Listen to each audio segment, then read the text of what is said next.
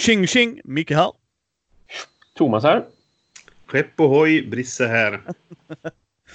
Så boys, det är... eh, När de hör det här så är det den 28 februari. Snart i februari över boys. Ja, gud vad det går fort. Och herregud, och det är inte bara för att februari är kort, utan det, jag minns inte februari. Så är det bara. Ja. Och februari är en extra dag också ju. Så den är en Ja, skottår i år ju. Det. Ja. Men det har bara time flies. ja. Så är det. Ja, om ungefär en månad så är jag och Björn Flintberg från Elossos på eh, Call of Cthulhu-konventet i Polen. Nej, Gött. vad mysigt. Och gud vad roligt det ska bli. Yes. Med Oj. Karlsakon där. Ja, det ser jag fram emot att få höra rapporter om. Ja, ja. Jag ska försöka spela in så mycket som möjligt då. Mm, mm. Det ser vi Eh, fram Ja, nej men det ska bli nice. Och sen så blir det Gothcon där jag får träffa och umgås med Brisse väldigt mycket. Så det ska bli Ja. superduper duper nice. Mm. Och sen eh, blir det Nordsken sen med Thomas. Mm, Vi ändrade planer för dig där så jag kommer få träffa och Precis. umgås med dig. Och precis. sen blir det Stockholm en vända där. Alltså det här kommer ske så mycket. så att Mycket jag nu. Ja, Ja, alltså ja, det, här, det är nice. det här halvåret kommer att gå fort bara för det. Ja, Ja. Ja, och sen kommer Br- ner till Skåne ju. Det ska bli ja men nice. precis. I juni. Ja, Ja, Så det- det där. ja. Eh, men jag tänker vi hoppar in i det. Som jag sa till Brisse och Thomas här innan vi startade inspelningen. Uh, Micke har jobbat intensivt i sex dagar. Mhm. Eh, och sovit i lastbilen fem nätter. Så att Micke är ju ja, fortfarande jetlaggad känns det som kan jag ju säga. Det förstår jag. Shit, ja. ja. Eh. Ehm, så att ehm, jag har inte spelat ett enda brädspel eller rollspel sen sist vi pratade för Ja, folk sjukdomar. Alltså det har varit Mm. så här, någon är sjuk där, inställt där, någon behöver jobba. Ja. Så, eh, men jag tänkte ändå prata lite om grejer. Jag, jag, jag spelar ju eh, på plattan. Jag har en surfplatta med mig på jobb. Så jag har fortfarande Mm. spelat där. Mm. Mm. Så jag Spelar tänkte, du mot folk då eller spelar du mot AI liksom? jag, eh, jag spelar Hearthstone mot folk. Ah, Okej. Mm. Ja, just Där jag, går in, där går jag in och gör mina daily quests. Eh, Mm. Just det. Sen har jag ju en two-in-one eh, i, i lastbilen så att jag kan dels sitta och göra lite poddredigering och sånt. Eh, men den kan ju ha Magic Arena. Så jag spelar Magic The Gathering Arena och då spelar jag också mot folk. Okej. Mm. Ja. Men sen när jag spelar Star Realms, som jag också har gjort en del nu, jag blev, fick ett sånt sug. eh, så spelar jag bara mot AI för det går snabbt och enkelt och jag kan lägga undan mig där utan, utan problem. Ja, just det. Så eh, det är det jag gillar med hobbyn. Vi har substitut även om vi inte får till det. Ja, precis. Ja, men det är ju nice. Ja. Är du med oss Thomas? Ja, jo då. Jag försöker bara synka min Dropbox så att jag får tillgång till, till eh, min fil för det här avsnittet. För jag har suttit och, och, och skrivit lite grann på vad jag ska ta upp för någonting och, och se till så att jag så att jag inte ser fel någonstans med, med spel och regler och sånt där. Eh, Ja. Men Dropboxen är lite långsam just nu. Ja, men bli lugn. Brisse, kör du då. Vad har du spelat Mm, sen sist? Um, jag har, nu ska vi se, nu, nu kommer jag inte ihåg när vi spelade in sist, men eh, jag tror att jag har spelat Crown of Mara faktiskt, sen vi uh, pratade sist. Ehm, som jag har ju på min topp 100 någonstans. Jag kommer inte ihåg Ja. vart exakt. Ehm, och så det spelade vi igen och eh, det, är väl, det blev väl lite så här... eh, jag fick lite känslan av att ja, nu kanske man har sett lite grann vad som är vägen i detta spelet och sådär. Um, det gick jättedåligt för mig för övrigt. Så att, eh, men eh, nej, så det, det, det sjönk lite i min, i min ehm, åsikt ehm, av det. Men det, det är bara för att jag inte spelat det så mycket på, eller på länge liksom. Ja. Eh, vi har kört lite It's a wonderful world. Eh, det går, går Ja. varmt. Och så har jag spelat Paladins of the West Kingdom lite till. Eh, vi spelade ju på Ja. två då. Vi gjorde ett avsnitt om det till första intrycket.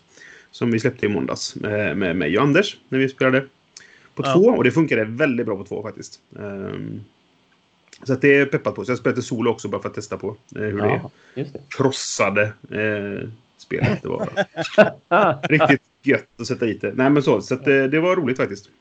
mm. Hur går det i Call of Cthulhu-grejen? Eh, det går bra. Vi har spelat fjärde gången är det nu. Nu har vi kommit igång med själva liksom, huvudplotten. Ja. Eh, och är i New York och eh, röjer runt på och skjuter folk på hotell och grejer. Så där som man gör. Eh, så det är som man gör. You know, casual friday. Ja, jo precis. Ja, vi, vi, vissa gånger när man är hårdrockare och superstjärna och så vidare, då kan man gå lös. Har du dött än? Jag har inte dött. Jag, eh, jag fick skada för första gången nu faktiskt. Machete eh, i bakhuvudet. Oj, oj! Och så i bakhuvudet så har du inte dött. I love it. Mm. Ja, Ja, nej, Hård karaktär. Ja, mm, men han är rätt, han är rätt stryktålig sådär så att, eh, det gick bra. ja, ja jag och eh, Andy pratar ju om det. den, den, b- bästa skillen du inte ska ha någonting i Call of Cthulhu är ju uh, spot hidden. Har du ingenting i det så klarar du dig rätt mycket. Ja, vad är Det det, är det det- som säger? Du, du vill ha låg... In, vad är det du vill? Du ska ha låg intelligens så du inte förstår vad det är du ser. ja, Ja, just det. Precis. Så kan du inte bli galen av det. Precis. I love it. I love it. Mm. Ja. Vad har du spelat Thomas då? Det senaste jag spelade det var ett spel som heter Killing Code Venice Vendetta. Och det här det Ja. är... Det var en kompis till mig, en, en av de som jag har min spelgrupp med, som heter Johan. Han köpte det här spelet för två år sedan på Essen och fångades av vilken fantastisk monter som, som de här uh, utgivarna hade. Med, med dessutom spelet var så här uh, förstorat, ni vet, typ två, tre gånger och hade extra jättefina exklusiva komponenter. Det gick inte att köpa den utgåvan överhuvudtaget utan det var bara för att man, man verkligen skulle lyfta fram spelet. Men han har Mm. inte spelat det sedan dess. Och och det vet nog alla. Det är väldigt lätt. Speciellt när man är på SN. Man köper massvis med spel. Liksom. Ja, ja. Vissa har man kollat in sedan tidigare. Vissa köper man bara impulsivt sådär. Så att eh, nu, nu när jag ändå inte hade någonting speciellt som jag behövde spela. Som jag skulle recensera eller sådär. Så då, då bad jag honom ta med det när han ändå nämnde att ja, men jag har det här spelet. Skulle det kunna bli lirat någon gång i framtiden? Och eh, vad det här är, det är en, en översatt version av ett kinesiskt spel. Som har ett kinesiskt namn som jag inte tänker uttala.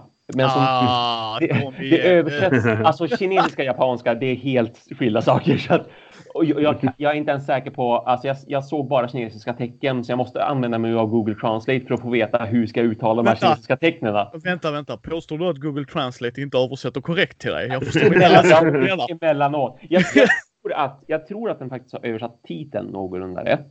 Ja. Jag är lite osäker på uttalet i och med att som sagt, kinesiska japanska och sådär. Jag kan min japanska men, men jag är lite dålig på kinesiska. Men, men det verkar som att den översätts till Mr. M's Murder Rule.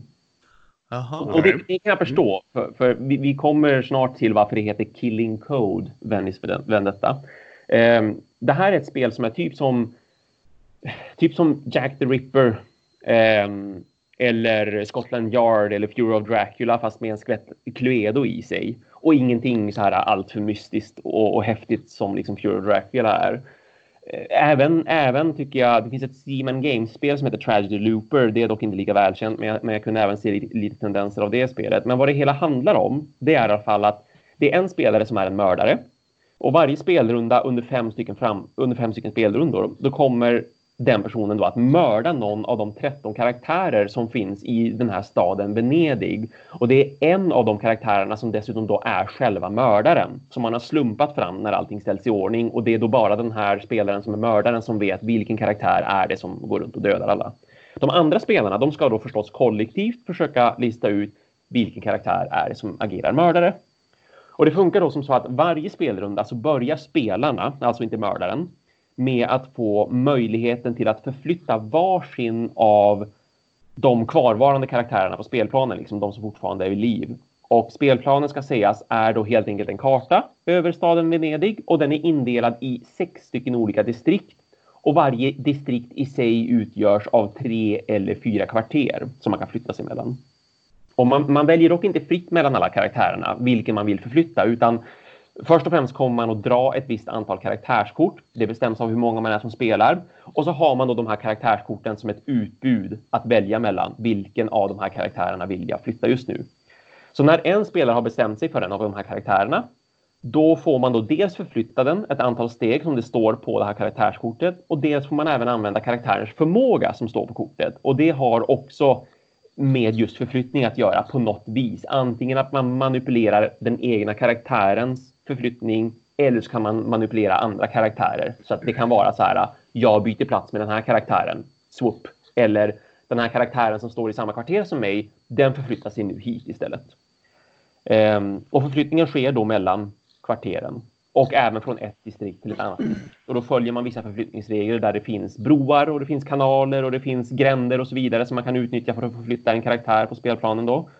Och så snart som en spelare är färdig med att ha förflyttat då sin karaktär så att säga, eh, då går man vidare till nästa spelare, väljer en annan karaktär av de som finns tillgängliga flyttar på den karaktären och så rullar det på så tills alla spelare då har fått förflytta varsin karaktär. Sen blir det då mördarens tur såklart att agera. Vad den här personen då får göra det är först och främst så får man antingen förflytta alla de karaktärerna som inte blev valda av spelarna. Eller så får man förflytta en karaktär som har blivit flyttad på av spelarna. Mm. Sen nu när all förflyttning är gjord, då sker ett mord. Mördaren väljer ett av sina kodkort från sin korthand och det är därför då spelet heter Killing Code. För på varje sånt här kodkort så finns det ett kriterium, en slags killing code, som måste uppfyllas för att det här mordet då ska kunna ske. Till exempel att mördaren, alltså karaktären, ska finnas i ett angränsande kvarter som offret befinner sig i. Eller att båda karaktärerna ska befinna sig i samma gränd. Eller att det måste finnas en bro i närheten och så vidare. Så när mördaren då har valt sitt kodkort som uppfyller ett sånt här kriterium och valt vilket offer som, som man då ska mörda. Då lägger den, den här mördaren, den spelaren, liksom, den lägger omkull den här karaktären som har blivit mördad. Och så placerar man det här kodkortet upp och ner. Så spelarna vet ännu inte, okej, okay, hur mördades den här karaktären? De vet bara vilken karaktär som mördades. Och det här det är då hur en spelrunda ser ut. Så att efter det kommer man då att dela ut nya karaktärskort. Spelarna väljer vilken karaktär ska vi flytta? Mördaren väljer ett nytt kodkort som man initierar ett mord efter och vad spelarna då hela tiden strävar efter nu då, det är att gå till de här brottsplatserna, till de kvarteren där någon, någon har blivit mördad. För då får man kolla på kodkortet som användes till det specifika mordet. Så att mm. man alltså kan börja efterkonstruera, aha, okej, okay, den här karaktären blev mördad av, av de här kriterierna att mördaren var tvungen då att stå till exempel bredvid en bro som är i, i angränsande distrikt eller vad det nu är för någonting. Och så försöker man liksom att pussla ihop då och förstå att, eh, att eh, ja, men de här karaktärerna är då tilltänkta misstänkta därför att de kunde uppfylla det här kriteriet. Och så går man igenom liksom kodkort efter kodkort efter kodkort och man försöker liksom att pinpointa då vem är det som är mördaren. Och efter fem spelrundor då måste spelarna då försöka komma överens om vilken karaktär man tror är mördaren. Och har man då rätt i detta så vinner man kollektivt. Annars är det förstås den som är mördaren som vinner, alltså den spelaren. Eh, det följde även med, det här är liksom base game, så här, så här funkar det att spela om man vill. Men det följde även med fem olika scenarier Så att man kan spela under specifika förutsättningar då för att, så att liksom mördarens eller spelarnas förutsättningar förändras, till exempel i uppställningen eller i vilka, vilka kodkort man får använda och inte, vilka karaktärer som är med och inte och så vidare. Mm. Tyvärr så är det alldeles för många möjligheter för mördaren. För att det ska mm. kännas som att man liksom kan sitta och tänka logiskt.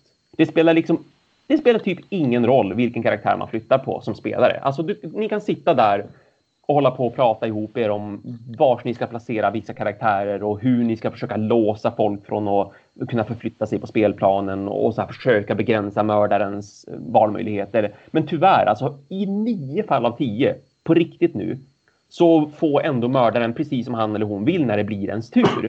För att mm. och i, i det här sista tionde fallet så behöver man typ bara byta taktik men man lyckas ändå mörda någon. För det, det finns för många förflyttningsmöjligheter. Det är både det att karaktärerna har lite för bra specialegenskaper men också hur spelplanen är utformad. Att det, liksom, det finns för många knytningar eller, eller liksom mellan de olika distrikten och mellan de olika kvarteren. Att det finns för många broar, det finns många gränder. Det, det, det, liksom, det går att flytta alla överallt i stort sett hela tiden. Och det gör ju att det blir jättesvårt oss som spelare att så här, okej, okay, om vi flyttar de här karaktärerna hit, då kan bara de här karaktärerna förhoppningsvis bli mördade. Fast å andra sidan, det finns så många olika kodkort att välja mellan också. Som har mm. sina egna unika kriterier för hur man ska mördas. Så man är som aldrig säker någonstans heller. Det är jättesvårt att begränsa mördaren till att använda specifika kodkort. Potentiellt när man har spelat sig tio partier, att man då har lärt sig om man spelar med samma spelgrupp. Man har lärt sig vad finns det för kodkort? Vad har alla specialkaraktärer? Eh, vad har alla karaktärer för specialegenskaper och för förflyttning och så vidare? Och så kan man utifrån det då pussla ihop att så här ska vi göra för då begränsar vi. Men då ska man komma dit också och det är inte tillräckligt roligt som det är nu då att försöka komma dit eftersom man vet att, att det är så himla stor sannolikhet att mördaren helt enkelt vinner spelet. Så det, är, det är mm. jättetrist. Det är en skitbra idé, jätteroligt, men det är, det är för dåligt utfört helt enkelt. Man skulle liksom behöva skriva om både karaktärerna, hur de funkar och göra om spelplanen för att det ska bli spelbart. Mm. Ja, det var ju lite synd ju. Ja. Ja, det är trist. Ja. Jag köpte också det där spelet för ett par år sedan. eh, Och så stod det i min hylla ganska länge och sen sålde jag det. Ja. Eh, ospelat. Eh, För Det att var, det var ju lika bra det. Ja, Eh, tydligen. ja du dodgar en bullet utan att veta det, Brisse. Ja, ja, visst. Precis. Ja, jo, Johan ska sälja det nu helt enkelt. Han, Mm. Potentiellt att han har kvar det i hyllan bara för att han gillar att samla på spel. Jag menar, hur många av oss är inte sådana att man, man har ett spel i hyllan för att ha ett spel i hyllan. Men, Mm. men han funderade väldigt starkt på att sälja det för att han var verkligen jättebesviken. eh, Om man inte kan Ja, det. husvila då lite. Ja, jag samlar också på spel, men jag, jag provar att samla på bra spel. Ja, eller det, det också. Ja, men ska man ändå ha ett spel i hyllan Ja, när man har så, så välfyllda hyllor som, som vi har, eh, då vill man ju ändå att de spelen ska vara bra så man kan bara ta ett spel på måfå och känna att ja, men det här vill jag spela. Men i det här Mm. fallet skulle det aldrig komma fram på bordet. Nej, men- nej, nej men precis, precis. Vad har du spelat mer då Thomas? För, är du klar Brisse eller vill du prata om något specifikt? Nej, jag är klar. Har du någonting mer du vill prata om Thomas? Ja, ja, men då kan jag jättesnabbt nämna ett logikspel som jag har spelat som heter Cat Crimes. Cat Eh. Crimes. Cat Crimes.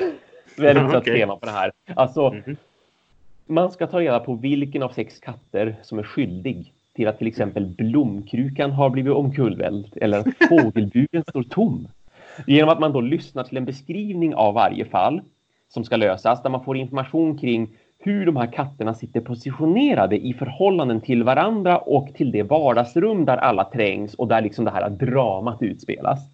Okej. Så det följer, med, det följer med 40 olika utmaningar. De blir gradvis svårare med allt mer luddig information som ges för vilken katt som är den skyldige.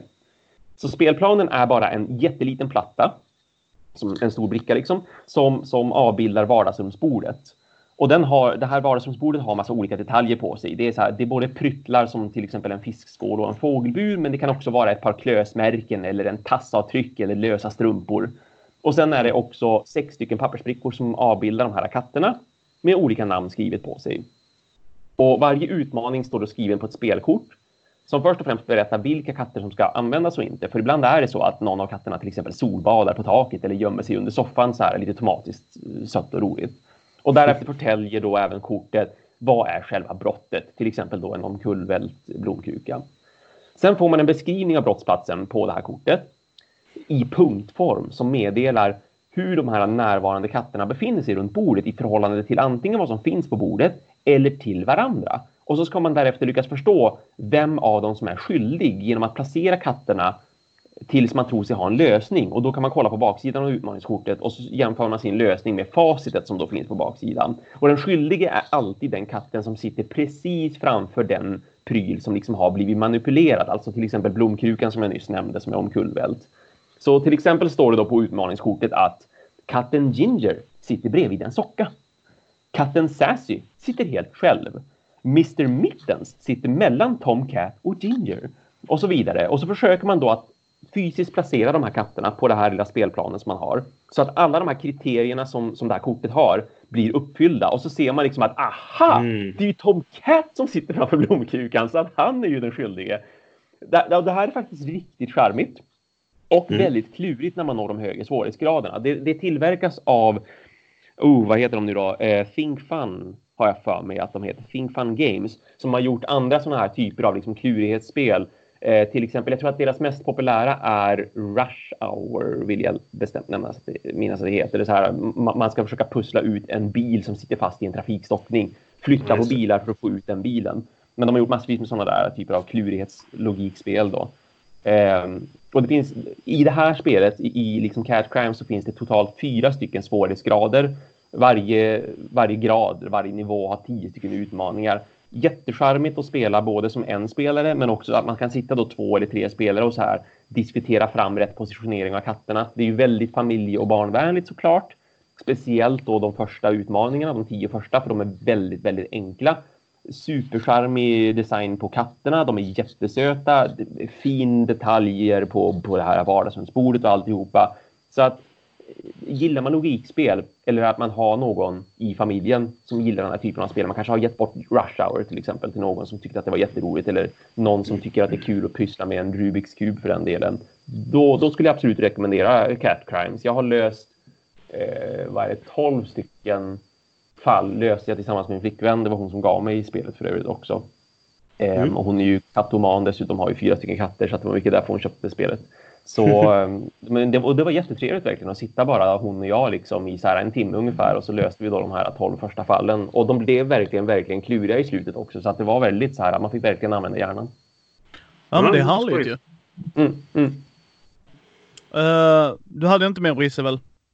Eh, nej, alltså jag kommer tänka på att vi spelade apropå det här med ehm, ehm, slutledningsförmåga och sådana saker. Vi spelade ett som heter Detective. Eh, som är lite som ett ehm, ja, men det är escape room-spel. När man ska lösa ett brott då. Så att man... man, man eh, ett mord. Är det ett- Man har, kort, man har kort från en hög och så får du hela tiden vilka kort du vill spela ut och vilka du vill arkivera. För att arkiverar du kort så gör det att när ett visst antal är arkiverade så kan du spela ut vissa kort. Så man väljer hela tiden, vill jag, är det här viktigt tror jag? Jag vet ju om informationen, kan jag förmedla den till de andra ändå på något sätt och så vidare. Eh, och det var ganska kul men det var också vissa delar av det så här, vi bara, jaha, vad, hur skulle man hur skulle man komma på det här? Det var, så här, det var inte helt logiskt alla lösningar liksom. Eh, vi fick sju poäng av tio så det var inte dåligt så. Men, men eh, det var vissa grejer som vi var så här. Okej, vi, vi hade inte helt rätt men vi förstod ungefär hur det gick till. Liksom.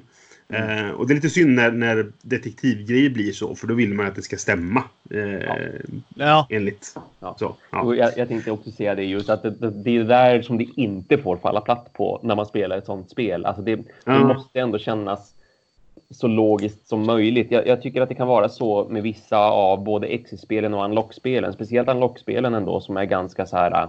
De är ganska tematiska och kan vara lite coolare till sin spelmekanik än vad Exit-spelen är. Medan jag tycker att Exit-spelen oftast är lite mera logiska ändå. Men, mång- Mm. men, men båda två kan ju i vissa fall vara väldigt långsökta känns det som. Och sjukt svåra och verkligen se Mm. liksom vad är det rimliga i hur man löser det här. Och då faller ju. Ja, men precis. Det hade ju också det här som Unlock-grejen har då. Att missar du en liten, liten detalj då kanske du inte har hela lösningen liksom. Nej, just det. Ja. Eh, Så att, eh, men det var lite kul att spela. Nu har vi spelat igenom en gång så att det, nu, nu är det ju, kan man skicka det vidare. Eh, Mm. Ja, ja, men då hoppar vi vidare till nyheter boys då. Mm. Mm. Jag tänkte jag ska börja. Kickstarter har fått ett, bildat ett fack. Mm. Jaha, Det blev så. Okej. Mm. Det är sjukt jävla skoj för de som vill engagera sig i det. Mm. Jag är själv fackligt aktiv så för min del var det jätteskoj. Mm. Uh, Nej, men det är bra att, eh, att de får möjligheten att göra, att göra det. Det, Ja. det tycker jag. Det. Mm. Och att folk vill göra det. Ja. Och engagera sig. Liksom. Ja. Eh, men det var en liten sidonotis, men det var jätteskoj. Um, och sen eh, tänkte jag vi skulle hoppa på Ökenros uh, av Wilhelm Games. Um, Wilhelm Persson har gjort ett spel om, ja du vet tänk Harlequin-böcker. Så här romantiska böcker. Ja, ja. Ah, Ja, han ja. har ja. gjort ett rollspel i den andan. Okej. Ja, jag har läst det själv. Eh, han frågade mig om jag kunde ge lite tankar och idéer och jag, jag gillar det jag läste. Eh, Mm. Jag trodde, jag, ja, jag- som jag skrev till Wilhelm, jag trodde inte att jag skulle vara taggad på att spela ett romantiskt rollspel någon gång.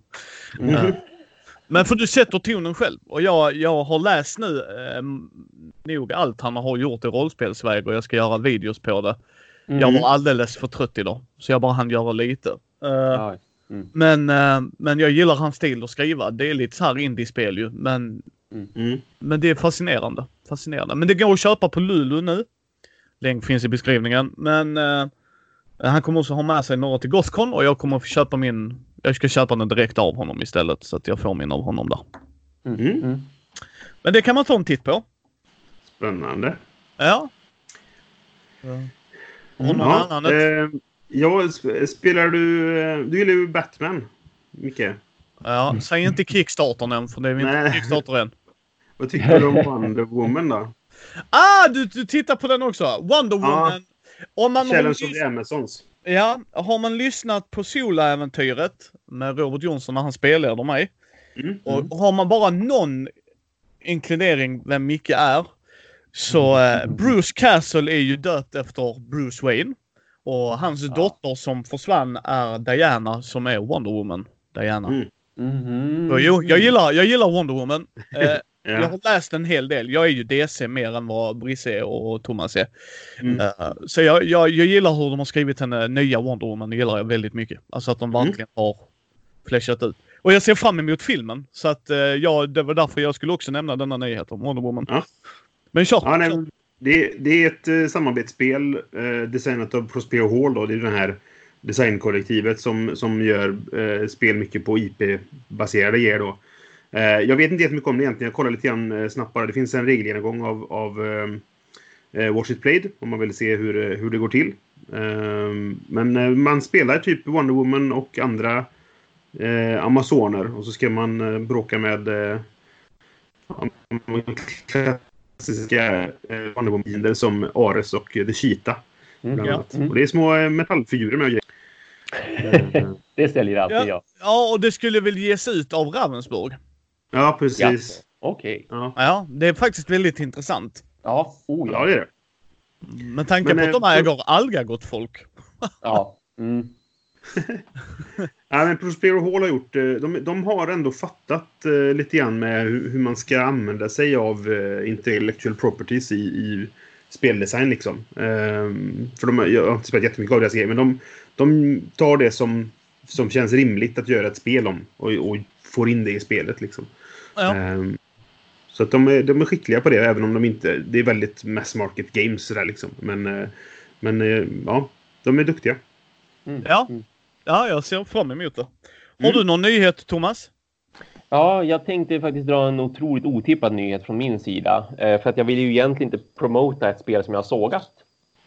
Ehm, men det är ju så att Fallout får en expansion igen. Mm.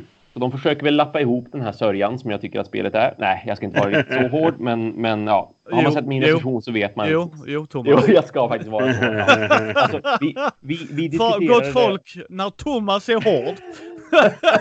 Då, jo, faktiskt lite så. Det, det är Alltså- lite som när pappa säger Thomas Engström. Exakt vad det faktiskt är. Ja. Ja, nej, vi, vi sagt, jag och min spelgrupp som jag spelade Fallout Board Game med och liksom det är ju därifrån min feedback också kommer liksom när jag gjorde recensioner och sådär. Vi, vi, vi nämnde det här spelet så sent som bara för några dagar sedan nu när vi spelade senast och pratade just om inte helt eh, lyckade kooperativa upplevelser. Mm. och liksom spelmekanik som vi inte tycker passar så himla bra. Att det, det är något som fattas där. Men eh, de ska släppa ett eh, upgrade pack. Ett cooperative upgrade pack som heter Fallout Atomic Bonds. Så det är bara en liten kortask med då spelkort som ska förändra och anpassa grundspelet så att det blir ett kooperativt spel, vilket jag tycker är skitbra verkligen, rakt ut sagt. För det var en sån här sak som vi ändå kände saknades lite grann i Fallout Board Game. Att vi, okej, det var inte jättekul att spela liksom och, och vara mot varandra. För att det kunde gå så sjukt upp och ner för allihopa. Vem som hade tur med tärningar och tur med kort och så vidare. Ehm, och det blev väldigt mycket av en snöbollseffekt också. Men oftast gick det åt skogen för alla för att det inte är så himla bra spelmekanik och alldeles mycket slump då. Men, Mm. men det vi tyckte så här, det var att om, om man kunde göra det här kooperativt, spela med varandra. För det är ju så jag skulle vilja uppleva Fallout också, alltså med mina vänner. Ehm, så så jag, jag känner att det här är rätt steg att ta. Mm. Att man då kan skräddarsy om spelet så att det blir just en, en, en, en samarbetsupplevelse istället. Och vad de har gjort då med det här uppgraderingspaketet som ska komma andra kvartalet nu i år. Det är att man har skrivit om alla scenarior först och främst så att de ska kännas mer anpassade för att jobba som en grupp. Men de har också lagt till en massa väldigt intressanta eh, nyheter i form av olika uppgraderingar och mutationer och man kan, man kan eh, skräddarsy vapen, liksom bygga om vapnen så att de får nya effekter till sig. Men, men jag tycker framförallt att det känns lite, lite roligt och häftigt att man kan då hitta mutationer till sin karaktär så att man får kanske någon fördel men också en nackdel av den fördelen. Så ja, det, det, här, det här känner jag ändå att det skulle kunna göra spelet bättre. Därför att istället för att bara sitta där som ett tävlingsspel där det går dåligt för alla och någon får en jättebra upplevelse rent storymässigt för det narrativa är fortfarande det jag tycker är det, är det bästa med Fallout the Board Game. Det är jättebra narrativt skrivet sådär. Mm. Ehm, men då istället för att sitta liksom och, och höra hur någon spelare har en bra upplevelse för att den spelaren har tur med tärningar och med korten och liksom faktiskt få höra den här bra välskrivna berättelsen. Så kan nu alla sitta och samarbeta istället och så får man tillsammans uppleva liksom en bra historia om inte annat. Sen, sen kan det ju fortfarande brista väldigt mycket i spelmekaniken som sagt. Där behöver vi inte lappa ihop spelet på det viset. Men jag tror fortfarande, jag tror mycket mer på det här spelet som en samarbetsupplevelse. Där man liksom kan dela både motgångarna och framgångarna istället för att man som sagt sitter och liksom alla har motgångar egentligen. Mm. Så, så um, Fallout eh, Atomic Bonds som sagt som då ska släppas som ett litet kortuppgraderingspaket andra kvartalet och, och, det verkar bara gå på så här 150 till 200 kronor någonstans i och med att det bara då är ett kortpaket. Mm. Ja, ja härligt. Uh, det här tyckte jag var jätteintressant. Warhammer 40K Escape Room i Nottingham. Okej. Okay. Ja, där är ett, så här, ett företag då som äh, ja, gör escape room. Jag gissar väl vissa, det finns ju vissa sådana franchise och sådana grejer. Mm. Mm. Äh, de har gjort ett 40K-baserat äh, rum i mm. Nottingham. Och för er som känner igen lite kuriosa, du får rätta mig Brisse om jag har fel här, men det är väl där typ de började ish. De är väl ja, rätt stora. Ja precis, för att det, det, det, det, finns en koppling till dem där i alla fall. Mm. Uh, man är en road trader. Uh, antingen är på väg mot en warp eller genom eller något sånt. Det var lite så här man bara uh, jaha. Och här är ju grejen. Mm. Jag är ju sugen på det. det är kul. Ja, nej men liksom ja. bara för att se det liksom. Hur, hur har ni tänkt? Ja men absolut. Mm. Ja, ja. För lyckas de att naila det och göra det bra och intressant så, för, för, för det har jag alltid sagt, IPn mm. Till Warhammer, mm. alltså världen. Jag är ju orkspelare mm. alltså, i hjärtat. Eh, mm. Liksom, det finns inte Space Orks. Here we go. Uh, och så, så, att jag gillar ju IPn. Vi spelar Rogue Trader nu för övrigt i uh, rollspelsgruppen varannan tisdag där. Uh, så att jag menar världen gillar jag. Och ha, kunna göra den kopplingen och kanske få in då sådana som gillar escape room som går in och så bara, här vad är det här för IP? Alltså ja, få reda på världen, alltså det är ju bara mm. stort jävla plus. Mm. Uh, sen tror jag att det kan falla platt väldigt hårt. För att, ja, jag vet inte hur jag ska förklara det. Det, det är väldigt nischat ändå. Ja, ja jo, det är en väldigt jo, speciell ja. värld så sätt. Ja, men ja. precis. Ja. Det, det finns den, ju en risk att det bara är just 40K-are. Alltså folk som har spelat spelet eller åtminstone mm. på något vis är insatt i universumet som kanske får roligt med det. Men förhoppningsvis har de ju gjort det bra så att alla ändå kan få en trevlig upplevelse. Ja, och du, mm. kan ju, du kan ju vända det helt på sin sida eller så går mugglare dit ja, och, och, och har jätteskoj, vilket är jättebra. Ja, ja. Och så går 40K-spelarna mm. dit så bara nej. Nej, så jag tycker man, man ska mötas någonstans i mitten. Du kan ju inte få ja. det 100% perfekt, så är det också. Mm.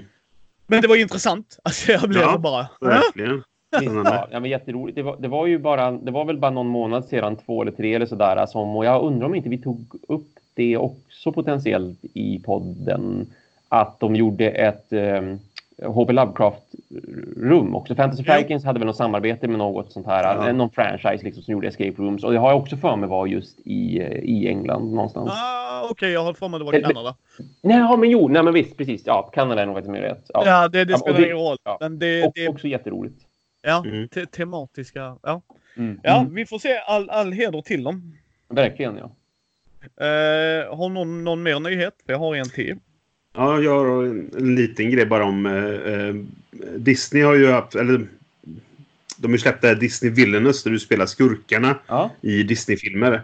Och nu ska det släppas en Marvel Villainous också då, där du spelar Marvel-skurkar eh, istället. Det, allting ska ju vara Marvel nu, liksom. Eh, det kommer ju Marvel Splendor och sådär också snart. Eh, money, money, men, eh, money! Exakt.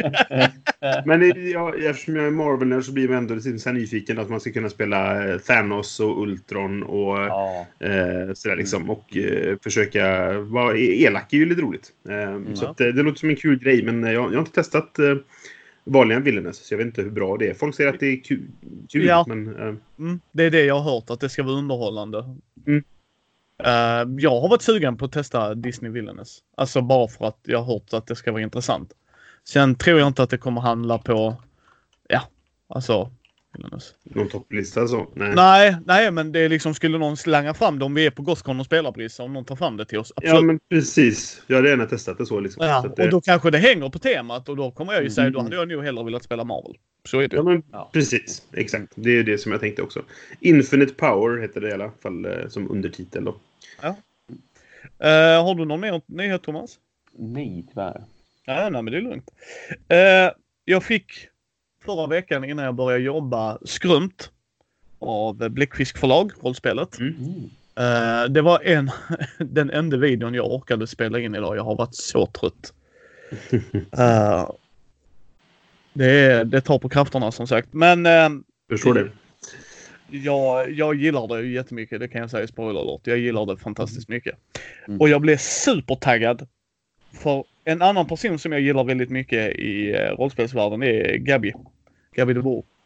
Mm. Eh, hon ska göra ett äventyr till Skrumt. Som ska Mm. bli publicerat om jag förstått Mm. det hela rätt. Ja, kul. Ja, i, eh, jag ska läsa texten där som kom med pressreleasen. Jag länkade det också det, eh, i eh, Mindy-sidan. För jag, jag blev svintaggad. I ett halvt sekel har släktgodset i Uppland stått övergivet. Som en svart fläck på er familjs anrika namn. Men efter år av förfall har nu herrgården restaurerats. Och ikväll har hela familjen bjudits in för att återuppleva adelssläkten Witts storhetstid. Er far har inte besökt gården på decennier. Ingen vet varför. Men under natten kommer det att grävas i ättens infekterade historia och precis som med herrgården i sig är frågan vad som gömmer sig under den vitmålade fasaden. Så att eh, Mm. jag är taggad. Jag är sjukt, sjukt, sjukt taggad. Jag Jag vet in inte jättemycket om skrumt. Vad sa du? Nej, alltså, jag vet inte jättemycket om skrumt. Kan du berätta lite kort? Ja, eh, Skrumt är ett rollspel av eh, Kristoffer. Eh, en av killarna bakom Bläckfisk förlag. Eh, som leder Svartvikens rollspelspodd. Eller en av dem som håller på Mm. där. Och för övrigt en väldigt, väldigt bra podcast. Jag har lyssnat väldigt mycket nu när jag jobbade så intensivt. Så det, det, tack för hjälpen, gott folk. Eh, ja, men jag, jag hade alltså vissa dagar körde jag i nio timmar. Mm. Och um, så är det gott folk. Jag har inga problem med det, men det blir intensivt. Eh, nej, och det är ett skräckrollspel med lite så här.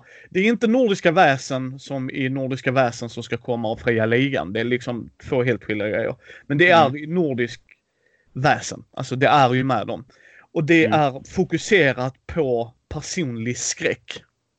Så fokusen ligger på vad vi upptäcker som skräck, alltså upplever som skräck. Ja. Alltså det är väldigt karaktärsdrivet, det är karaktärsfokus och så. Mm. Och eh, jag älskade det när jag satt och läste det. Och sen har han gjort väldigt mycket så här. Spelledaren rullar inga tärningar. Fuck yeah. Alltså jag Mm, kan inte säga, jag älskar sådana system också. Mm. Eh, eh, väldigt snabbt enkelt att komma in i boken. Som sagt, jag, jag har gjort en video som ska försöka, jag ska försöka släppa den på måndag. Um, Mm. jag, jag vill Ja. verkligen få ut den. Men, eh, och så då ett äventyr till det. Och jag, ehm, jag gillar det för att jag, jag tycker, jag, jag, jag kommer alltid köpa skräckrollspel och det gör inget för mig att de är snarlika varandra med en liten twist. Det gör inte mig så mycket. Men jag älskar när det kommer ett sånt spel och jag blev väldigt så här positivt överraskad. Jag visste redan att jag skulle digga det för jag hade läst lite om det innan och en polare till mig pumpade shoutout till dig gubben. Eh, vi har pratat mycket om det och han var också så taggad när han såg bilden bara spela, spela. Mm. Mm. Liksom. Ehm, Mm. så, att, så att jag ser fram emot det. Och då när Gabby är med och gör ett äventyr. Hello! Det är ju Mm. bara plus. Liksom. Eh, om man vill. Eh, det kommer jag länka i videon för övrigt också. Men de har ju spelat ett äventyr i Skrumt i hans värld när han spelleder det i sin podd. Och, där, eh, och den lyssnade jag på faktiskt. Och Mm. tyckte det var jävligt intressant och schysst. Mm. Eh, Så det kan man ta en lyssning på, tycker jag. Eh, ja, men det var min sista nyhet i alla fall. Jag, Mm. ska, jag kilar in en nyhet som, Ja. som jag hade, hade glömt bort men som jag blev påmind av när vi pratade escape rooms. Eh, som, som bara var en nyhet men som nu blev två nyheter när jag skulle snabbt googla fram det jag skulle prata om och så upptäckte jag oj och så hände det här samtidigt också. Eh, för folk som gillar Scooby-Doo.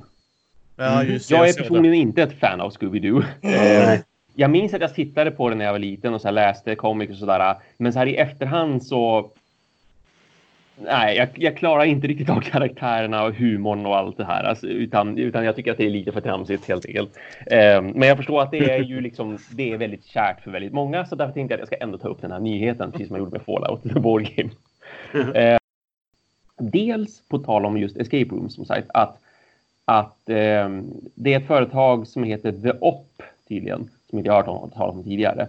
Ehm, de ska börja med en spelserie som heter Coded Chronicles som är just escape room tematiska brädspel som har någon slags IP till sig. På tal om just IP och escape rooms dessutom då. Och det, det, första spelet som de ska släppa det är då Scooby-Doo Escape from the Haunted Mansion. Så att, mm. surprise, surprise, man är Scooby-Doo-karaktärerna, de är i ett haunted, haunted Mansion och så ska de då försöka ta sig ut från det här helt enkelt. Och rent spontant så känner jag att det här kan ju verkligen fallera så jäkla hårt. alltså inte, inte för att vara sån, men skulle de gjort Batman The Escape Room, klart jag hade köpt det. Men, men problemet är när du, alltså, som du sa, vissa gånger du vet när de tar sådana ologiska, för, för en ja, grej jag störde mig med Unlock. Ja. Det var att vissa grejer var verkligen farfetched. Mm. Ja. Alltså verkligen så här. Och så tittar du med mikroskop på det här lilla kortet längst ner i hörnet. Vem, vem, vem gör det? Vem, alltså seriously. Alltså, hur, hur ska jag följa logiken i det? Mm. Uh, och så ja. blir det så här. Nu ska ni spela Scooby-Doo-gäng så där ska vi tjohorna in. Ja. Det behöver ja. inte bli så gott folk. Det kan bli hur bra som helst. Ja. Men jag är ju väldigt skeptisk till IP-spel off the bat. Och när de mm. säger nu ska vi göra tematiska escape room. Ja men precis, att de går in för det också. Låt oss då mm. hoppas Alltså för då hänger verkligen allting på att bli Scooby-Doo Escape from the Haunted Mansion en succé. Då, då är det klart, då kommer jag börja hoppas på att så här, åh, nice, vad ska de släppa för IP härnäst som då kanske kan bli lika bra förhoppningsvis. Men om det mm. inte blir bra, då kommer jag ju så här äh, helt glömma bort det här företaget och deras spel. För då krävs det annars att, att nästa spel blir en dunderhit helt enkelt. Men då är det ju å andra sidan som gamla Fantasy Flight Games, att det är så här swing and miss. Var, varannat spel de släpper är bra, varannat spel de släpper är inte alls bra. Och då, då kommer jag ju inte vara peppad oavsett vad, utan då kommer jag först och försiktigt vilja nosa på spelet och kolla på recensioner innan jag köper någonting. Så vi får, väl, vi får väl se var det landar någonstans. Förhoppningsvis så har de en bra idé hur man ska göra escape rooms i brädspelsformat, kanske ha lite nya idéer och sådär. Och i sådana fall är jag absolut peppad på att, att det kommer IPn som förhoppningsvis då går att applicera till det här grundsystemet som de säkert ändå kommer att ta fram. Så vi, vi får mm. väl se vart det landar någonstans. Där. Men annars vad som förmodligen är mer säkert kort. Eh, och det här har vi sett hända tidigare. Betrayal at House on the Hill. Ja. Mm. Scooby-Doo Betrayal at Mystery, Mystery Mansion.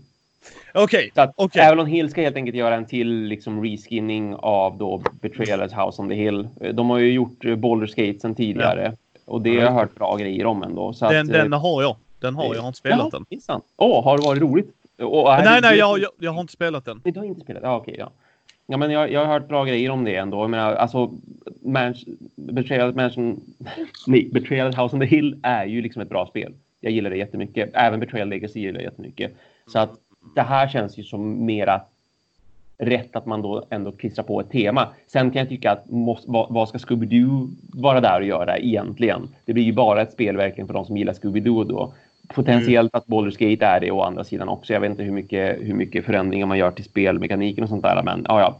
Så det kan väl potentiellt vara trevligt då. Nu är det, nu är det bara, såg jag, eh, 25 stycken sådana här håns, alltså 25 stycken äventyr i mm. Scooby-Doo-versionen av Betrayal. Och grundspelet har jag för mig har 50 stycken i sig, så att det är ju ja. väldigt nedbantat ändå i sådana fall. Men, jo, eh, men det är också, det, jag tror det räcker ändå, för man kommer inte spela det mer än 25 gånger. Nej, men eh, ja, faktiskt. Som sagt, alltså, hur mycket kan man göra egentligen med det när man klistrar på ett sånt här tema? Alltså, det, precis. Det kan jag ju säga att det är hellre att de håller sig till 25 bättre ja, än absolut. 50 och som bara varannan är verkligen dålig. För ja. här är grejen. Betrayal on the House on the Hill är för mig ett mediokert spel av den enkla anledningen att det kan swing and miss så jäkla hårt. Mm. Ja, för du kan, ja men alltså du kan ha världens otur. Och grejen är det, nu, nu, ska ni komma ihåg när Thomas pratar gott om spel, det är för att han har en bra spelgrupp och, och mm. alla är på samma nivå som Thomas är. Mm. Så, så Thomas tar ju det för vad det är. Och så skulle han bli skurken är nere i källaren och inte kan ta sig ut. Så tänker Thomas, nej men okej, det är så det funkar. Men, men ja. jag personligen hade suttit och blivit så här, jaha! Liksom. Ja, men alltså Jo. vissa, vissa gånger blir det ju bra va? Mm. Mm. Och då, då har det varit riktigt kul att spela. Ja. Alltså Ja, Betrayal on the House on the Hill. Alltså riktigt immersive, alltså verkligen djupt innegående. Mm, mm. Och andra gånger så har det bara blivit, vad, vad sitter vi och gör? Ja, nej, men jag har med. Ja. Ja, men vissa, vissa scenarier kan faktiskt vara otroligt brutna och så här jättemycket till fördel för den som då blir den här förrädaren eller jättemycket till fördel för de som då ska jaga den här förrädaren istället. Så att det, ju, det går ju otroligt mycket upp och ner utan det blir mer en upplevelse. Det gäller liksom att man har en Ja. bra spelgrupp framför allt och så får man ta spelet väldigt så här för vad det är. Ehm, jag använder det väldigt mycket som en introduktion för den här typen av spel. Alltså man vill ha lite mer äventyrligt, man vill ha lite narrativt, man vill att det ska vara lite spännande och lite häftigt med mycket, liksom, mycket som kan hända. För att det är ett så pass enkelt spel att komma in i också. Så att det, det är mycket därför också som jag gillar Betrayal. För att jag kan verkligen spela det med de allra flesta och jag kan rekommendera det till många som vill liksom prova på liksom just ett äventyrligt spel. Att jag säger inte köp Manchester Madness för 800 spänn. Utan jag, köp, jag säger liksom köp Betrayal först och främst. Gillar ni det så kolla då på till exempel Manchester Madness. Mm. Ja. Ja men så att det, det var de två extra nyheterna som jag, som jag kom på där. Mm. Du var klar Brisse va? Jag har en liten grej kvar. Ja, klar. Det har ju varit eh, internationella spelfestivalen i Cannes. För det är där fransmännen har alla sina festivaler. Ja. Ehm, och där delar de ut eh, sitt... Eh, alltså det franska årets spelpris. Eh, som heter As d'Or. Eller hur det nu uttalas. Jag kan inte franska. As d'Or. Ehm, och det tilldelades ett spel som heter Oriflamme. Som jag faktiskt inte ens har hört talas om. Nej. utan läste om det första gången. Eh, Det är ett första, en första des, eh, gångs designers, Adrian och Axel Hessling, som har gjort det här tydligen. Eh, det lät lite intressant. Man, eh, ganska enkelt. Varje spelare har varsin lek som består av samma tio kort. Men så tar man bort tre kort ur varje lek dolt. Så man vet inte exakt. Man har inte exakt samma uppsättning. Och så spelar man liksom kort på någon sorts rad. Antingen först eller sist. Och så påverkar det kön och så vidare. Eh, så det ska jag nog försöka spana in om man kan hitta den någonstans. Mm. För det lät lite spännande. De hade runner-ups. Där var Draftosaurus, Fiesta de los Muertos och Little Town. Eh, och sen hade de även då för eh, ex, sin expertkategori, där vann Res Arcana. ehm, Som är ett bra spel. Som Mm, eh, mm. slog, slog eh, Gloomhaven, It's a Wonderful World och Root. Mm. Så att, ehm, det, det, till fransmännen gillade sånt. Ja. Men det var det. Ja. Ja men det är ju det är intressant ju. Det är intressant. Mm. Mm, mm. Ja, Ja. Oriflamme ska jag nog se om jag kan få tag på. Eller Ja. spana in. Ja. Eh, nu hoppar vi till Kickstarter. Mm. Eh, innan någon annan försöker smyga sig in så norpar jag den direkt. Uh, Mika har gått all in till födelsedagspresent av eh, även min fru då. Jag såg där eh, Batman Animated Adventures från Så- IDW. Surprise! Eh, surprise! Så gick all in. upp så tänkte jag, du gick all in nu. Yes, yes. Ja, precis. Ja, eh, det är baserat på Teenage Mutant Ninja Turtles Shadow of the Thingamabob Doohickey. Mm. Eh, jag ska inte spoila för mycket men det är på min topp 100. Jag vet inte om det har släppts eller om det kommer i avsnittet på onsdag. Mm. Eh, men eh, jag gick in. Uh, Mika har blivit bränd av Batman-spel innan. Jag tittar på dig Gotham City Chronicles. You fucking assholes. Helt ärligt, alltså det spelet gör mig så förbannad fortfarande. Det hade så mycket... Nej men liksom, det är inte Batman-spel. Ja, Mm. det, det spelar ingen roll hur mycket de vinklar det. Det är inte ett Batman-spel för du går runt och punchar grejer. Och det är liksom så här, det är en del av Batman, absolut. Men det är inte bara Batman. Mm, mm. Oh, nej, förlåt. Jag ska... Ja! Åh! Du, du tar det ganska bra i alla fall. Ja. nej, jag kommer ju inte bränna det. För figurerna ska jag säga i Gotham City Jättefina. Mm. är Ja. sjukt värt det bara där. Så att Mm. jag, jag har inte gått helt loss ifrån det. Men det var liksom så här, man byggde upp förväntningen och det kommer bli så bra. Eh, ja. Eh, så ja. Men så tittade jag in och jag var väldigt skeptisk till detta. Mm. Just för att dels har jag blivit bränd av det innan. Alltså Mm. just med den IPn, för det gjorde mig så jävla förbannad. Eh, så gick jag in och tittade. Det är ju på Animated Show. Nu ska ni få en liten kuriosa i Mickes liv. Mm. Eh, Jag har pratat lite om hur min pissiga uppväxt har varit innan. Men Mm. i en av mina safe zones var hemma hos mormor. Och eh, vi hade inte ettan, tvåan, vi hade ettan, tvåan och fyran där jag bodde rätt mycket. Sen på senare år fick vi de andra kanalerna. Men min mormor bodde här i Helsingborg där jag bor. Uh, vila i frid mormor. Uh, men hon hade kanal 5. Och på lördag morgonen, Mm. klockan 8 eller vad det var, det. så visade de animated. Och då uh, satt jag hemma hos mormor och var, kände mig trygg och säker och så animated. Så Mm. den här är otroligt viktig för mig, alltså personligen, IPn i sig. Eh, sen är det ju Mark Hamill som Jokern liksom. Alltså, hello! Shit, ja. Alltså ja. bara redan där. Alltså, så att det, det är utöver det och jag har sett om serien. Och till många skillnader på många andra tv-serier när jag såg som barn. Så är den här faktiskt fortfarande bra. Ja, ja. Mm. ja. Och eh, lite kuriosa där också. Det var ju denna tv-serien Harley Quinn introducerades. ja. Okej, se där. Yes. Jaha. Mm. Så, att, så att den har ju varit betydelsefull för hobbyn överlag också. Tycker jag Mm, personligen. Ja. Men den gjorde även om um, Mr. Freeze ganska Ja. mycket. Så att han blev den Mr. Freeze han är nu för tiden om man säger så. Ja, precis. Eh, Så den har, gjort, den har gjort mycket för, för eh, Batman, helt klart. Ja. Eh, Så IPn som sagt är väldigt viktig för mig. Men sen såg jag att de byggde vidare på uh, Ninja Turtles eh, systemet. Mm. Och jag gillar ju det systemet. Man delar tärningar, man kan liksom så här, vi har pratat om det som sagt innan. Och då bara, nej, ja, jag går all in. För jag gillar redan systemet, jag gillar animated show och jag får mer plastfigurer. Mm. Eh, Och för mig när det gäller Batman så, så vill jag inte flytta kuber utan där, att jag får hålla i Batman är för mig väldigt, väldigt, väldigt så här. Så att det såg jätteintressant ut. Att de försöker tajma det med avsnitt. Alltså så att scenarierna har med avsnitten att göra. I freaking love that. Alltså det är...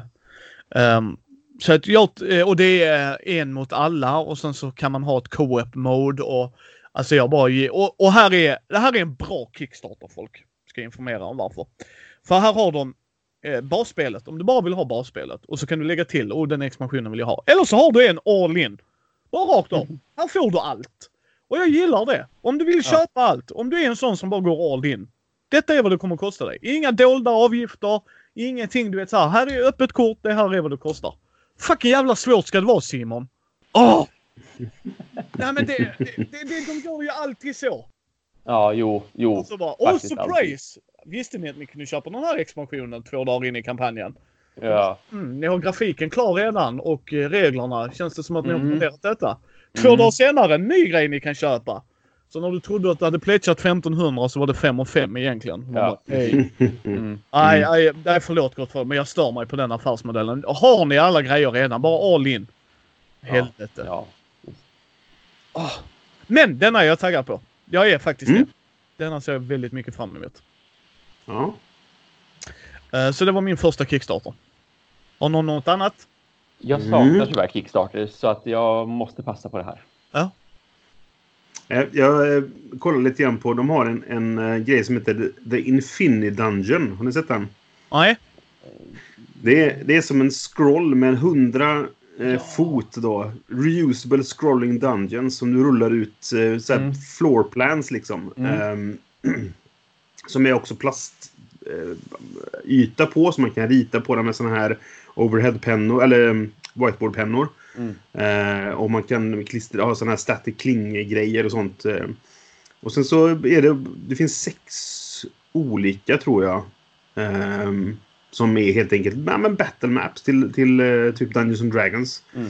Mm. Ehm, och jag, tyck, jag tyckte bara det var en kul grej. Jag kommer, det är inget jag kommer köpa eller så här, för jag spelar inte den typen av spel så mycket. Men, men jag gillar idén. Ehm, Mm. och där, du, du rullar ihop den till en scroll och så rullar du ut den när det är dags att spela och sådär. Så att, eh, Ja. Jag tyckte det var lite kul grej så jag ville nämna den. Ja, visst, Ja. Den, såg, den såg jättesnygg ut. Jag, sett, jag undrar om det är samma företag rent utav, för jag har sett en sån där sedan tidigare också, men, men att då var det en, en jättestor vacker världskarta istället. Och så har jag för mig att det rent utav stod utskrivet så här korta, eh, korta liksom eh, segment av här händer det här när ni kommer till den här staden och här händer det här när ni kommer till den här kullen. Och så började Ja. scrollen med skapa en karaktär typ. Så att man, man fick av scrollen antingen då ett soläventyr eller ett äventyr med en hel grupp. Och så, och så liksom rullade man och rullade och rullade och så stannade man upp så fort som då scrollen säger rulla bara hit, stanna här. Ta liksom någon slags aktivt beslut när ni kommer till den här staden. Eller vad det nu är för någonting som händer. Jättehäftigt tycker jag upplägg på det hela. Och väldigt snyggt Mm. presenterat. Ja, verkligen. Ja. Uh, härligt, härligt, härligt. Eh, jag har en till här. Eh, Mm. Trolldom i Manzona från Elossos. Det är till sagospelet Äventyr. Just det. Ja, den är live nu. Länken finns i vår uh, show notes som vanligt. Uh, som introducerar väl mer trolldom i den världen, sagospelet Äventyr. Uh, det är inget personligt jag själv kommer backa, inte för att det är en dålig produkt utan för att jag inte har barn att spela rollspel med. Uh, jag är sjukt glad över den grundboxen jag har. Mm. Den lämnar inte min samling liksom.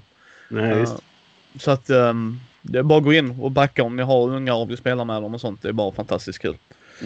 Mm. Uh, jag har en till och det är min sista. Har någon någon annat? Jag har en till också. Ja. Och det är ju vår kära vän Christian som Ja, eh, det var min också. precis har, ja, Ja. som precis har kommit igång med eh, Götsia då. Ehm, den eh, nya kampanjen. Ja. Mm. Såg jättefint ut. Jätteverkligen. Yes. Mm. Och det finns i show notesen också. Om man vill gå in där och titta. Jag har backat det också. Ja, jag backade på en låg nivå nu för vi, vi eh, mest, ja, det, är, det är så mycket annat som händer. Snart kommer Viscount och Kickstarter. Så att, ja. Eh, Men eh, absolut, vi har ett avsnitt om det i eh, första intrycket som man kan lyssna på ifall man är Mm. nyfiken på hur spelet funkar och så. Men, vad var sa du du har väl Skulle... en video också, Thomas? Ja. Ja. visst precis. Det finns också. Jag tror att han har lagt upp den även i Det har på han. Kickstarter. Om jag inte såg helt fel. Ja. Det verkar inte alls så roligt. Uh, vad, vad, vad kommer på Kickstarter sa du, Brisse? Uh, Viscount of the West Kingdom. Tredje delen i, i eh, West Kingdom-trilogin. Vet du vad som kommer mer snart, Thomas? Nej. Om vi har riktigt tur snart i krokarna, Troubleshooter. Oh, nej men gud vad trevligt. Ja, ja, så Ja, att... just jo, jag vet om att det kommer grejer, Brisse. Oh, ja. Mm, mm. Eh, Men eh, ja, men vi får Ja, nej. se. Den 3 mars kommer uh, Viscounts. Eh, om man är nyfiken på det. Ja, inget Micke kommer backa personligen, men för nu är det så att jag känner en kille i Göteborg som kommer backa det. Så att, Ja, Det är så. korrekt. Jag kommer superbacka det med en gång. All Ja. in. Allt ska vi ha. Tack Så- så, så- mycket. precis, du tar den så tar jag Batman. Kör hårt. Ja, så möts vi det upp i mitten. Så Nej, möts men- vi i Varberg och så spelar vi. Perfekt. Ja, nej men absolut. Nej. Jag kommer definitivt backa Viscounts. Det, Ja. det är ingen tvekan om saken. Och jag, och jag tror inte det är ett dåligt spel. Som sagt, det är bara det att Batman går före. Det Ja, nej, men absolut. så är det. Mm. Det är det jag tycker är så himla... Och det är inte bara Kickstarter. Så är det när rollspel eller brädspel kommer ut också. Man bara oh, jag vill ha det. Men jag vill ha det också. Mm. Mm. Visst ja. Oh ja. Mm. Det är en underbar hobby. Mm. Dyr, om, om det vill sig illa. så är det. Ja. Ja. Eh, ja, men vi har väl inte mer nyheter och vi behöver inte svamla mer i onödan. Eh, Nej. Nej. Eh, nu på måndag kommer från oss förhoppningsvis skrömt. Eh, eller så, och sen efter det så ska Chockåter från graven komma ut också. Jag ska bara sätta mig och redigera det. Förhoppningsvis hinner jag redigera de två. Annars blir det något annat. Jag har en liten backlog i eh, reserv utifall att. Mm. Ehm, och sen eh, kommer det en bubblare. Inte nu, eftersom det är en början på månaden så brukar vi köra intervjuer. Och då är det gänget bakom eh, figurspelet Hjärnor som kommer. Och, Mm. Mm. eh, Just. sen en bubblare i, efter det. Och har vi riktigt flyt och allting går väl så ska jag och Andy spela in lite bubblare på, på måndag. Så att vi har en liten backlog. Jag brukar vilja ha det. Så att, Ja, det är bra. Ja. Eh, Det är det som gör gott folk att vi kan släppa eh, så, så mycket vi gör. För att jag tycker det är jätteroligt också att bara hålla det vid liv. Eh, Mm. Och sen på onsdag så kommer... Vad är vi på? Fjärde delen va? I topp 100? Vill Ja, jag det borde vara 40 till vad det nu kan vara. Ja, Tror jag. jag tror det är fjärde delen gott folk. Mm. För jag håller på att redigera sjätte delen nu. Jag är snart klar va? Mm. Thomas joinade oss. Eh, sådär, vad har eh, Thomas i pipelinen? Har du något speciellt på görningen? Ja, jag har fått eh, på nytt ett spel som heter Curators. Som är ett Ja, svenskt, eh, Ja, en Jag har svenskt spel. spelat det. Mm. Jag har fått en ny prototyp nu av det. Jag, jag har ju spelat det en gång tidigare också, den gamla, gamla verkligen prototypen där det liksom, det fanns ingen artwork utan det var ju som bara, det var ritat med tusch i stort sett på alltihopa. Mm. Ehm, och nu har då, eh, nu har då Pavlo, som han heter, ja precis, Pavlo Jomer har skickat mig en, en ny Curators. Så att det är liksom den, den mer eller mindre färdiga utgåvan. Det är liksom, jag har fått den, jag har hämtat ut den, den ser jättefin ut. Både artworken på lådan, lådan i sig, komponenterna och sådär. Um, och det här är ju ett brickläggarspel uh, där man ska liksom bygga typ sitt museum mer eller mindre. Och Mm. försöka få folk att komma och titta på ens utställningar och sådär. Och så ska man samla poäng på det. Vilket Ehm, charmigt spel. Ja, verkligen. Det var, det var väldigt trevligt att spela det som jag spelade mm, på den tiden, liksom, när, när, det, när den utgåvan som kom då kom. Och jag har att det var nog förra eller rent av för, förra året. Det var väldigt länge sedan kändes det som just nu i alla fall. Eh, Och Mm. jag tror att den kickstarten är väl en sådär äh, två månader bort eller sånt där. Någonting Mm. sånt kanske. Så att det är... Det är något jag ska backa själv också faktiskt. Mm, mm. Jag tyckte det var väldigt charmigt. Ja, Ja, vi gillar också det. Vi gjorde ett avsnitt av första intrycket av det också. Ja. Um, jag vet inte, charmigt spel. Ja. ja. Klart. Jag ska faktiskt spela ett print and play inom dagarna. Ja, oj. Där. Ja. ja. Jag ska gå ut för, utanför min comfort zone. Mhm. Eh, Verkligen. Technical Support Simulator 2016. Det var Wilhelm som tipsade mig. Det var en tjej som hade gjort det som bodde där uppe i norr någonstans. Ehm, och han trodde inte att Fredde kommer Mm. gilla det och jag bara sa challenge accepted. Det här ska jag prova. Vilket För- jäkla bra namn. ja, eh, för jag, jag, jag lever för att göra Freddes dag så mycket bättre. Jag förstår det, ja. Nej men jag kan väl prova om någon säger det så absolut. Det, Ja. Jag provar gärna nya grejer. Mm, mm. Mm. Så har du något i pipelinen Brisse? Eh, nej, vi har inget avsnitt av um, första intrycket som ligger. Vi har, eh, vi har haft lite svårt att spela in eh, senaste tiden tyvärr. Ehm, så det ligger lite sådär. Vi har sl- släppte ju måndags nu. Får vi se när det kommer nästa avsnitt. Men eh, vi har startat en, eh, en Instagram för, eh, som heter Spelradio. Mm. Som eh, vi börjar lägga upp lite bilder när vi gör saker. Och jag ska ju till Aircon eh, om två veckor. Eh, så då tänkte jag ta li- lite bilder där och så här lägga upp. Så man kan följa det om man känner för det. Ja, de är, jag har uppdaterat våra länkar som jag alltid länkar till. Mm. Den är med där. Gött. Eh, ja, fan vad nice. Vet du vad som kommer till mig imorgon Brisse? Nej. Det är ett spel som är Area Control tablåbyggare som Micke har hypat sönder och samman ju. ja, just det. F- ehm, Monument. Monumental. Just Yes. Det kommer imorgon. Ah, Ja. Den kommer Mhm. imorgon gott folk. det. Du fick Tan Garden såg jag också. Jag undrar vart mitt Tan Garden är. Jag har väntat på det länge nu. Ja. Ehm, men det är väl på gång. Ja, nej. Ja, precis. Den är jag också intresserad på. Så att, eh, ja. Mm, ja, men Och kul. så- Monumental det ser ju lite roligt ut. Ja, och Eclipse är också på väg. Mm. Det paketet vägde bara 8,5 kilo. Så att jag menar. Oh, Ja, men du, jag vet ju vad som är i det också. Ja. Jag såg att eh, Lautaperit, de, de tweetade ju en unboxing bara idag rent utav. Och jag kikade lite grann på den unboxingen. Åh herregud vad det är. Åh, så där ska man designa en låda först och främst. Mhm. Visst, komponenterna ser ju skitbra ut. Men, men jag, var, jag var spänd på det redan i förväg. Nu har inte jag backat det här och sådär. Men jag ser fram emot att det kommer till butik. Ehm, för jag kommer förmodligen att köpa det då om inte annat. Och jag, jag gillade liksom att, man, att man hade skrivit om just det här med att de skulle göra en, en låda med liksom ett inlägg som verkligen var designat för komponenterna. Och när jag Mm. såg nu det på unboxing-videon så bara shit vilken kvalitet. Så här önskar jag att alla kunde göra verkligen när det gäller just att förvara sina brickor och liksom spelkomponenter överlag på ett ordentligt vis. Ja. ja. Jag ser fram emot den. Får vi se, får vi se hur det blir. Ehm, ja. Men eh, då vill vi passa på att tacka för att ni har lyssnat på detta mini-news-avsnittet. Och jag hoppas er helg blir fantastisk. Eller att ni hade det en fantastisk helg om ni lyssnar på detta i nästa vecka. Ehm, gå in och ta, titta på grejerna vi har pratat om om ni vill. Och hör gärna av er om ni har tips på nyheter. Mm. Liksom. Ni kan göra det på micke.mindy.nu eller på konradargo.gmail.com eller Yes. brisse.spelradio.se. Ja. Så bara tipsa oss. Vi pratar gärna om era projekt och så liksom och läser igenom det. Även om vi kanske inte är taggade på allting så kan det vara andra som är det. Som vi vill Mm, upplysa folk om. Oh ja. Verkligen. Så att vi stöttar gärna svenskproducerat genom att sprida om inget annat. Definitivt. Mm. Eh, eh, ni hittar ju Thomas på hans Super Fantastic Awesome eh, Youtube-kanal och uh, Facebook-sida där jag och Brisse hänger också. Mm. Uh, tro det eller ej, om man pingar Thomas brukar han svara. Ja, tro det eller ej. Uh, Brisse också. Han, han, han är göteborgare, men han är en snäll göteborgare. Så att, Ja. Eller ja, det brukar göteborgare vara överlag. men så det är bara att tagga oss. Vi kommer att svara på grejerna. Men uh, Ja.